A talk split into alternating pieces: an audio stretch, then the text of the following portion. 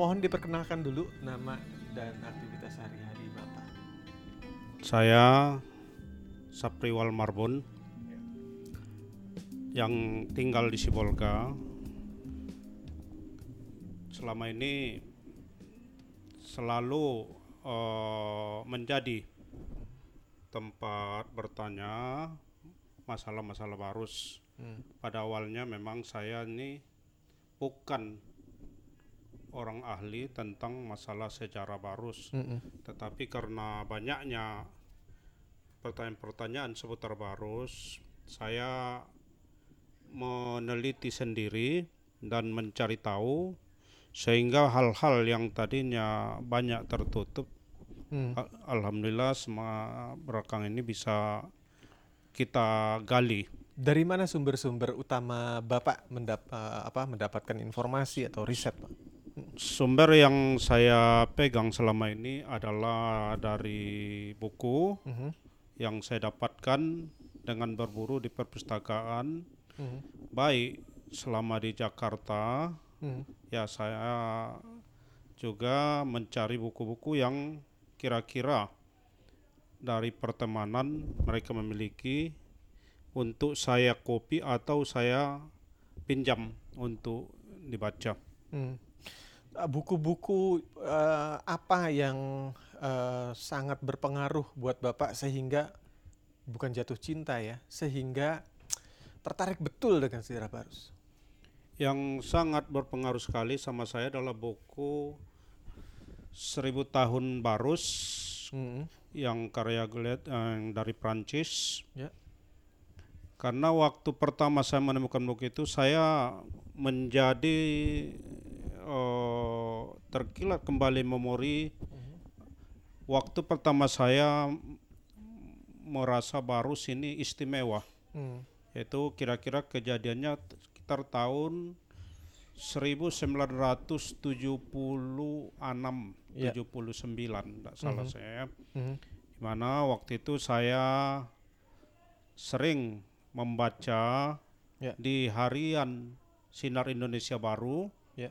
tentang Barus Hmm. dan saya juga menjadi sedikit terkesima waktu itu almarhum eh, saya lupa namanya nih Mhm. bahwa dia menceritakan bahwa Barus itu sudah ada Mhm. 7000 tahun sebelumnya bahkan katanya itu Barus di sudah di apa namanya didatangi oleh para pedagang-pedagang Ya. semenjak zaman Nabi Musa. Hmm. Jadi itu yang bikin saya kembali eh, menggali karena saya lihat ada buku seribu tahun Mhm. Barus. Ya. Nah semenjak itu saya instan Mhm. dan terus melakukan kajian-kajian yang bisa saya ikuti. Iya. Nah, kemudian dari hasil penelisir, penelusuran itu, Pak, apa fakta yang kalau menurut Bapak paling mencengangkan atau paling eh, menggedor perhatian Bapak begitu sel- selama ini ya? Sampai tahap ini kan udah lama betul berarti kan menelusuri begitu. Udah banyak sekali referensi yang dibaca. Tapi pasti ada satu, dua, tiga informasi yang buat Bapak itu sangat mencengangkan dan kalau dipikir-pikir lagi, wah ini bagus banget informasinya. Yang menarik pertama bagi saya Mm. adalah dikait-kaitkannya tentang Barus dan Kapur Barus. Hmm. Jadi ini menjadi sebuah penelusuran bagi saya karena apa? Kayu kapur ini sendiri sudah sangat jarang kelihatan. Bahkan bisa dibilang untuk apa ini sudah banyak yang eh, tidak mengenal lagi. Kapur barus ya. Ya, sedangkan barus selalu dikaitkan dengan kapur barus. Iya. Jadi saya mulai mencari jejak Mm-mm. tentang apa yang disebutkan ya baru saya ingat tadi Bapak Rusdin ya Mm-mm. Rusdin Tanjung Mm-mm. yang menulis di harian Sinar Indonesia Baru Mm. tentang masalah barus Ya. yang katanya sudah 7000 tahun Ya. lebih. Ya, ya. Nah, inilah yang dikait-kaitkan dengan tadi eh, kapur, Kapur, yang ya. kita sebut tadi. Mm-mm. Dan saya juga agak merasa apa namanya heran kepada daerah ini di mana kayu kapur yang menjadi legenda atau disebut sebagai tanda adanya daerah ini ternyata diabaikan dan bahkan dibiarkan Ya. punah tanpa ada usaha untuk melestarikannya. Mm, mm. Jadi itu sebuah kajian yang membuat saya uh, intent juga untuk menggali dari mulai situ. Mulai dari situ juga ya. Nah, eh, kemudian Pak, kalau dikaitkan dengan eh, minat Bapak begitu terhadap Barus, itu ada hubungannya nggak sih dengan masa kecil Bapak atau asal usul dan sejarah Bapak yang lahir dan tinggal di Sibolga gitu? Jadi dalam apanya ini penelusuran ini kita juga mencoba untuk memasuki ke dalam hutan-hutan, Hmm. kemudian mempertautkan dengan banyaknya jenis-jenis kayu yang disebut kapur ini. Mm-mm. Itu salah satunya. Hmm. dalam pe- apa namanya kehidupan sehari-hari memang Hmm. kita sering melihat bahwa kayu yang banyak atau yang keras Ya. yang ada dipakai oleh masyarakat di daerah ini adalah kayu kapur tanda-tandanya kayu itu walaupun sudah menjadi balok dan sudah dipakai ratusan tahun dia selalu mengeluarkan minyak yang kemerahan atau yang disebut kalau sekarang ya gel mungkin ya. Mm-mm. Ya, jadi ini ini juga sebagai apa oh, bahan Ya. yang ikut turut diteliti juga. Mm-mm. Mm. Nah, eh, pertanyaan saya sebelumnya adalah a- apa kaitan, adakah kaitannya antara bapak yang lahir dan tinggal di sini di Sibolga dengan minat bapak terhadap Barus? Adakah kaitan itu pak kaitan, Kaitan. kultural gitu ya? Kaitan sejarah, kultural, geografis begitu dengan daerah.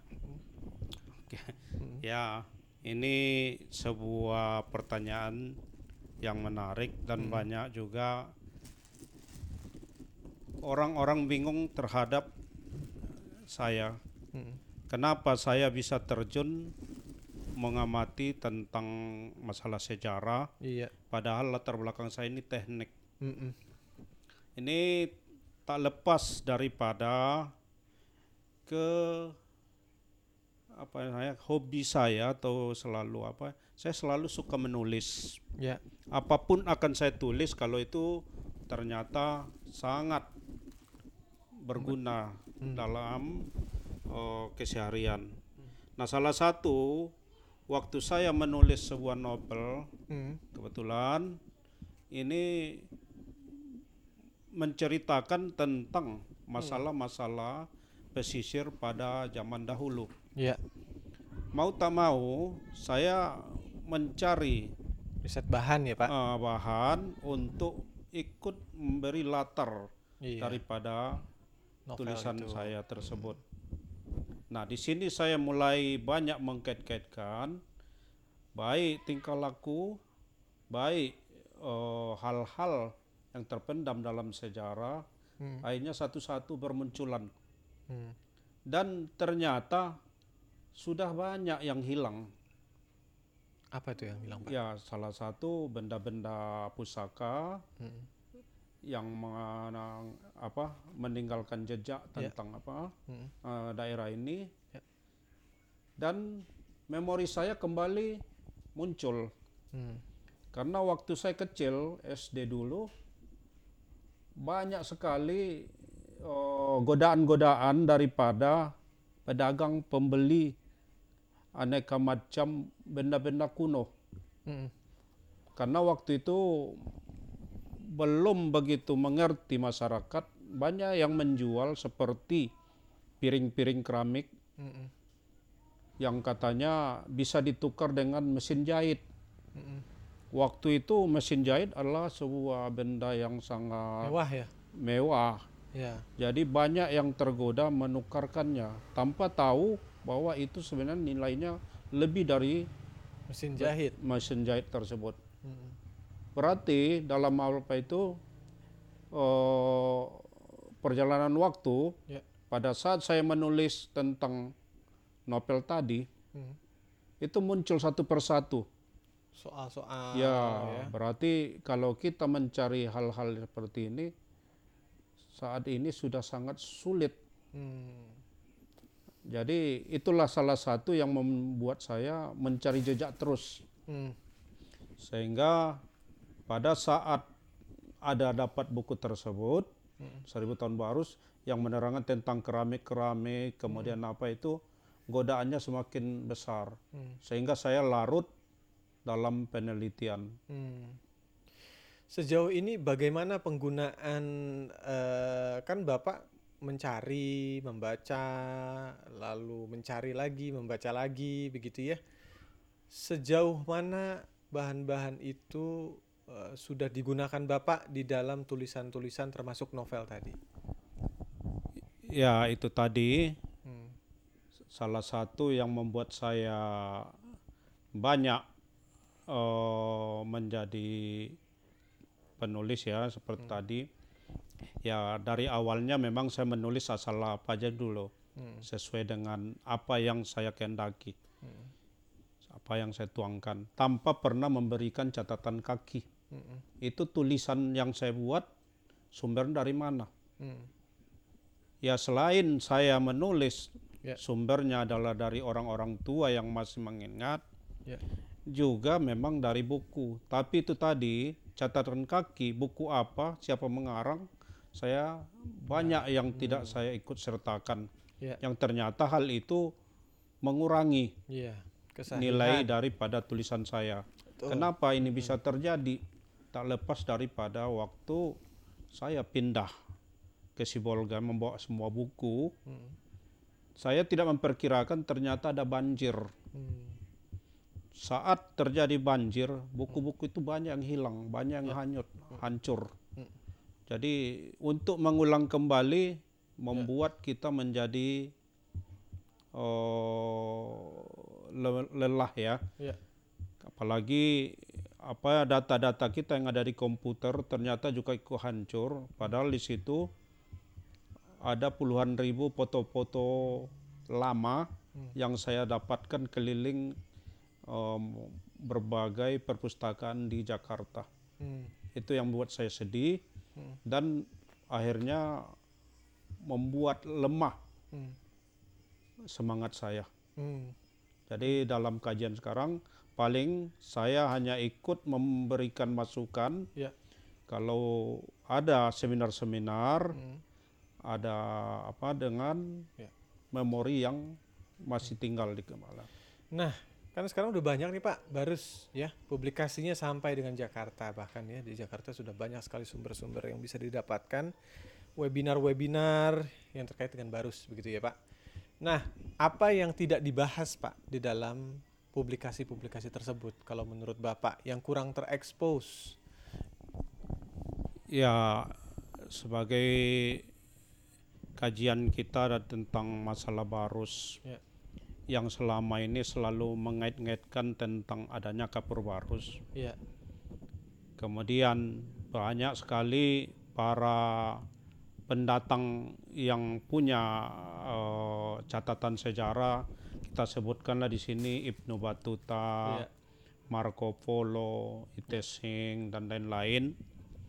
Semua mereka ini menuliskan tentang potensi daerah ini yang selalu membangga-banggakan hasil buminya Hmm. yang pertama ya dan juga disebutkan di situ tentang eh, alam dan binatang-binatangnya. Hmm. Nah, potensi yang belum maksimal saya lihat di sini adalah mengaitkan daerah Barus atau apa itu dengan hasil alam atau hasil hutannya yang hanya fokus pada satu saja Yaitu seperti kapur barus. Hmm. Padahal selain kapur barus juga masalah eh, pohon eh,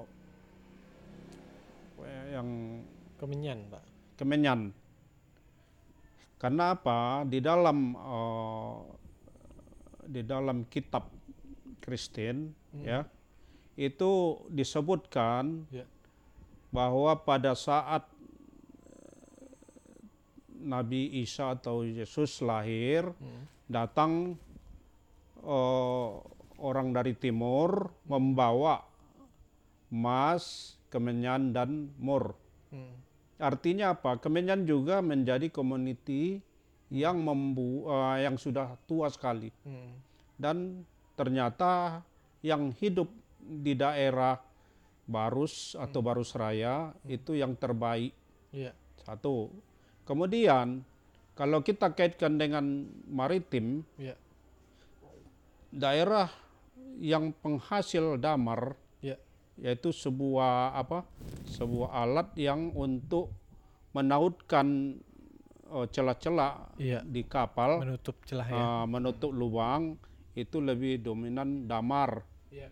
Dan damar yang terbaik atau yang ada hanya ada di daerah Barus. Hmm. Kalau begitu, mengapa enggak kita mulai penelusuran sejarah tentang Barus melalui hasil hutan ini? Jadi yang kurang terekspos itu justru hasil-hasil hutannya ya, Pak ya. Ya, betul. Jadi sekarang ini sejarahnya aja terus ya. Ya, selalu zaman Fir'aun ada kapur Barus. Hanya kapur Barus toh yang menjadi Ada sentral. Eh, eh, tapi ada nggak kabar Ya. barus itu di sini sekarang begitu ya? Kira-kira Betul. ya. Padahal Bapak begitu ya? ya kalau saya lihat begitu Hmm. dan kita juga sudah mulai khawatir ternyata pohon damar sudah mulai langka sekarang. Sudah bahkan saya belum menemukan Hmm. yang masih hidup. Hmm. Padahal damar ini adalah eh, alat vital ya untuk mas jadi eh, mengharungi ma- apa ini lautan bebas ini. Betul. Karena kalau tidak ada dia akan bocor di mana-mana begitu ya. Iya. Untuk menambal eh, sela-sela di antara papan-papan kayu kapal. Nah, apa yang harus dilakukan Pak untuk tadi me- mendorong pemerintah untuk memanfaatkan komoditas alam tadi ya barus ya damar ya kemenyan begitu. Harapan kita kepada pemer- pemerintah agar hal-hal yang seperti ini Ya. menjadi perhatian Iya. teristimewa kepada ahli ah, ahli-ahli dari kehutanan Mm-mm. dan pertanian untuk membibitkan Mm-mm. atau me- memelihara tanaman-tanaman endemik ya Ya. yang ada di daerah ini untuk disebarkan ke masyarakat alangkah indahnya nanti sepanjang jalan beberapa meter ada suatu batang Kapur baru. baik itu kemenyan, Kemenyan. selang-selingi ya, Damar. damar, Ya. ada lagi eh, kapur barus, Ya. sehingga kita bicara tentang kapur barus nggak perlu bingung lagi. Ini pohonnya, ini sejarahnya. Hmm. Atau kalau lebih bagus lagi, buatlah sebuah taman Hmm. yang tak usah terlalu apa dengan jenis-jenis tanaman yang memang milik dari daerah ini Hmm. yang dulu pernah mengharumkan Ya. Nama daerah ini. Hmm. Yang tak kalah penting juga adalah pengembangan produk ya Pak ya. Ya, Apa catatan Bapak soal ini? Mengembangkan kapur, kapur itu kan sekarang eh, sudah banyak sintetisnya juga apa, Ya. penggantinya gitu. ya Bagaimana nih Pak? lebih apa lagi lebih jauh lagi memang di samping apa itu juga ada hendaknya sebuah kalau nggak disebut museum Hmm. ya sebuah pusat informasi Oh, Oke. Ya. di dalamnya ya kita nggak apa ada jenis apa eh, bentuk kapurnya, Mm-mm. ada bentuk damarnya, Iya. ada bentuk-bentuk daripada eh, pohon-pohonnya mungkin ya. Mm. Jadi orang datang ke daerah ini Mm. Tidak perlu terlalu Sulit. ya. pusing. Hmm. Di samping daya tarik lainnya yang sekarang sudah menjadi maskot daerah ini yaitu oh, makam-makam tua. Hmm. Nah, eh, kenapa Pak kita harus bersusah payah? Kita harus bekerja keras untuk mencatat sejarah, untuk menyediakan, menggalakkan kembali penanaman pohon-pohon baru, untuk menghadirkan eh, museum atau pusat informasi mengenai barus. Kenapa sih kita harus susah-susah begitu? Kenapa kita harus bekerja keras untuk itu, Pak? Maksudnya saya ya. Enggak, kita semua harus Kita bekerja semua. keras. Ya, Nah, kita kenapa kita semua, harus seperti itu? me- apa mengharapkan ini ya Mm-mm. Biarlah susah payah begitu Mm-mm. s- untuk mengetahui kembali sejarah kita. Hmm. Kita di sini bukan muncul begitu saja Mm-mm. atau menjadi apa. Kaitan sejarah ini sangat perlu bagi kita semua supaya nanti kajian-kajian tentang apa itu tidak simpang siur. Mm. Jadi kalau memang katanya di sinilah mulanya Islam masuk, Mm-mm. ya adalah buktinya. Mm.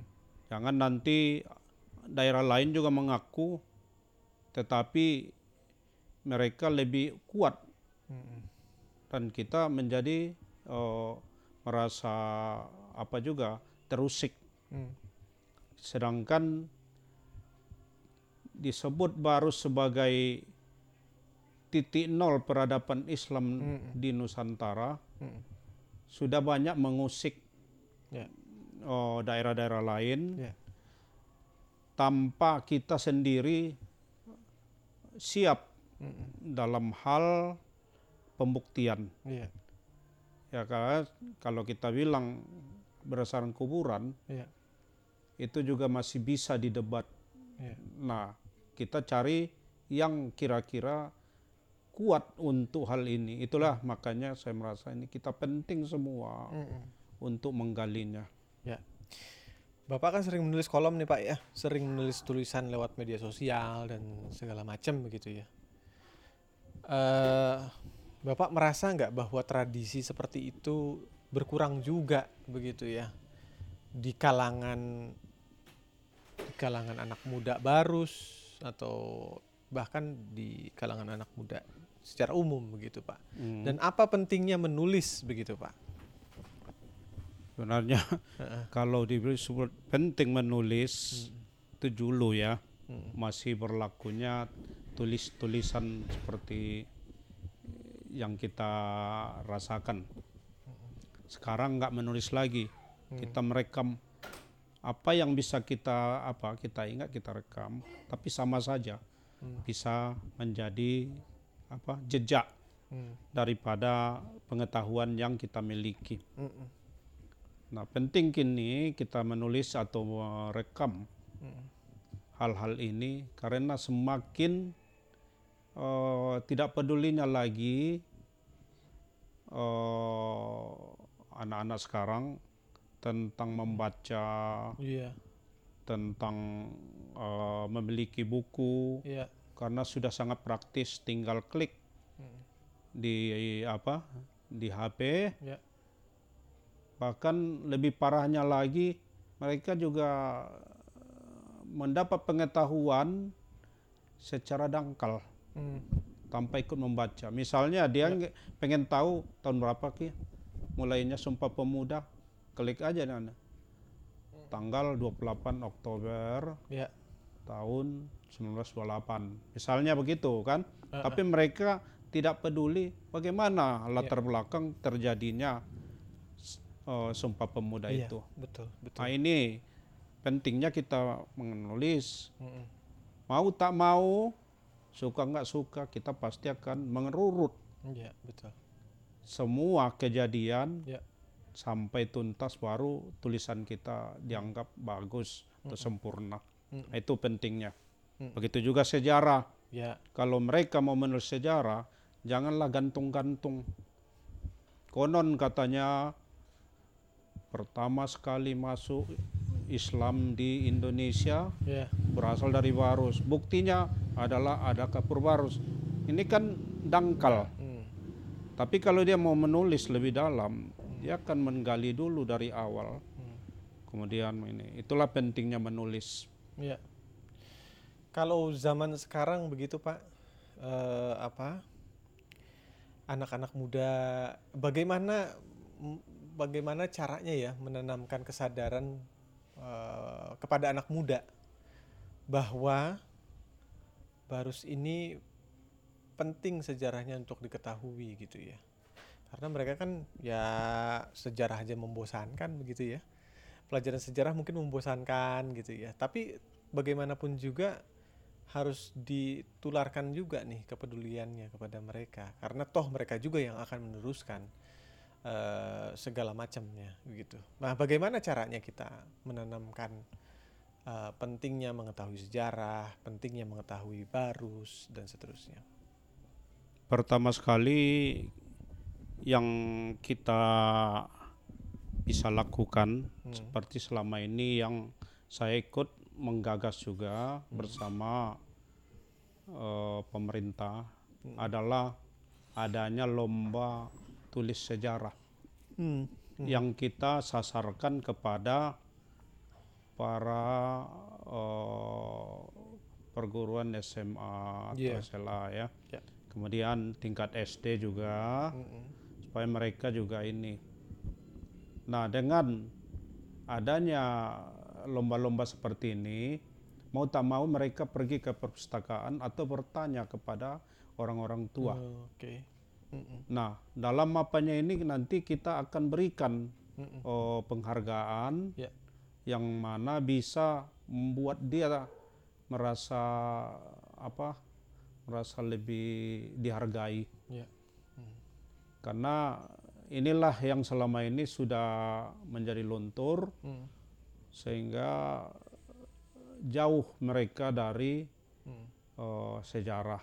Hmm, hmm.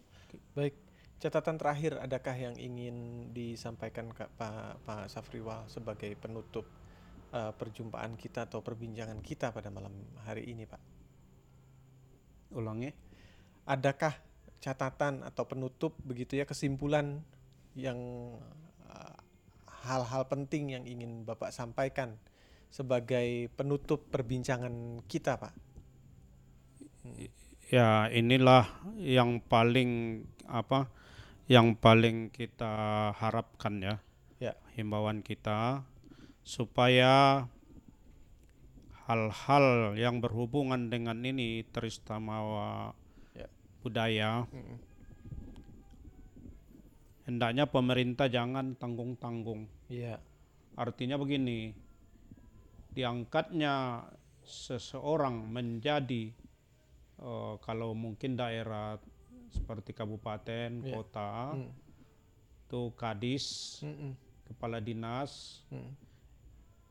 hendaknya benar-benar orang yang benar berkecimpung di dalam hal ini. Mm. Jangan hanya sebagai anak tangga untuk jabatan lain.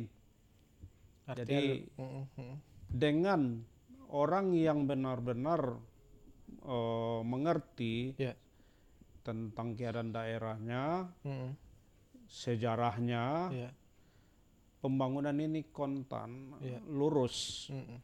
Jangan nanti satu apa satu periode Ya. sudah gencar, Ya. pas tukar apanya berubah lagi, Berubah diam lagi. Ya. Ini yang kita alami selama ini. Hmm, Jadi- maju-maju jadinya ya. Ya, jadi harapan kita pemerintah itu benar-benarlah untuk ikut Mm, oh, berperanan dalam hal ini. Kenapa? Daerah Tapanuli Tengah, Ya. Sibolga Ya. itu tidak dianugerahi oleh oh, alam yang ramah Hmm. terhadap pertanian Ya. karena sempit memanjang ada gunung ada eh, laut Iya. Dataran yang apa yang bisa ditanami itu sedikit. Satu-satunya adalah di industri pariwisata. Mm-mm. Dan kita tahu industri pariwisata ini sekarang sudah mulai gencar di beberapa daerah. Ya. Alangkah sangat eh, sedihnya kita, kita punya potensi yang luar biasa. Ya. Seperti sejarah tadi Ya. Dan budaya yang sampai sekarang masih tidur. Mm-mm. Jadi harapan kita Ya. ke depan kalau memang ingin maju dan masyarakatnya makmur, Mm-mm. marilah kita konsen ke dua ini, budaya, sejarah agar diangkat benar-benar. Mm. Itu harapan kita. Dan itu akan terus menerus bisa diperbarui ya Pak ya. Maksudnya kalau ikan suatu saat bisa habis, Betul. hutan suatu saat bisa habis. Habis. Tapi Ya, sejarah dan cerita, Ya. Kalau kita berjuang apa mempromosikan alam bukan hanya Tapteng saja iya. yang indah. Di Bali juga sana indah. Tetapi kalau kita mempromosikan budaya, Unik. Lain daerah, lain budayanya. Betul. Pasti ini pasti akan menjadi tarikan wisata. Apalagi kita Iya. diberkahi juga Mm-mm. dengan apa tadi sejarah. Sejarah. Nah, ini panjang. yang sangat me- apa menjanjikan. Iya. Baik kalau begitu.